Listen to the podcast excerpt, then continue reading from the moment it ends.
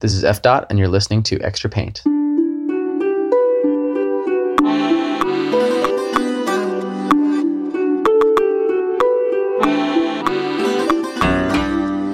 My name's Eric Friedenson and I'm a New York-based artist, illustrator, and muralist. Mostly I just ride skateboards though.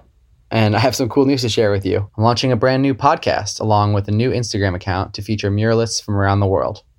I've worked in a lot of different mediums in the past and I love them all but murals are just the most fun, gratifying, and impactful medium that I've ever worked in. So I want to use this platform to share stories and conversations that will encourage other artists to get started and keep going on this path because it takes time and hard work and a little bit of strategy as well. Here's what you can expect. Extra Paint is about muralists sharing their practice and advice for others in the mural and art community. Sometimes that'll be transparent conversations about pricing and marketing your work.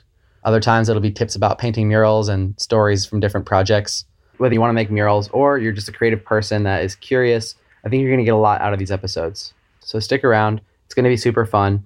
You can stay up to date with this project and be a part of this new community by following Muralists on Instagram. That's plural, at Muralists. Last thing, if you want to get early access to listen to the episodes before they go live, go to the website muralists.co and you'll sign up. I'll send you the episodes. I'd love to get your feedback before we launch this thing.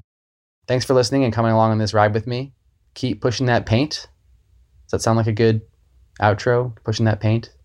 And it's a work in progress. Should probably put some outro music here so it's a little less awkward.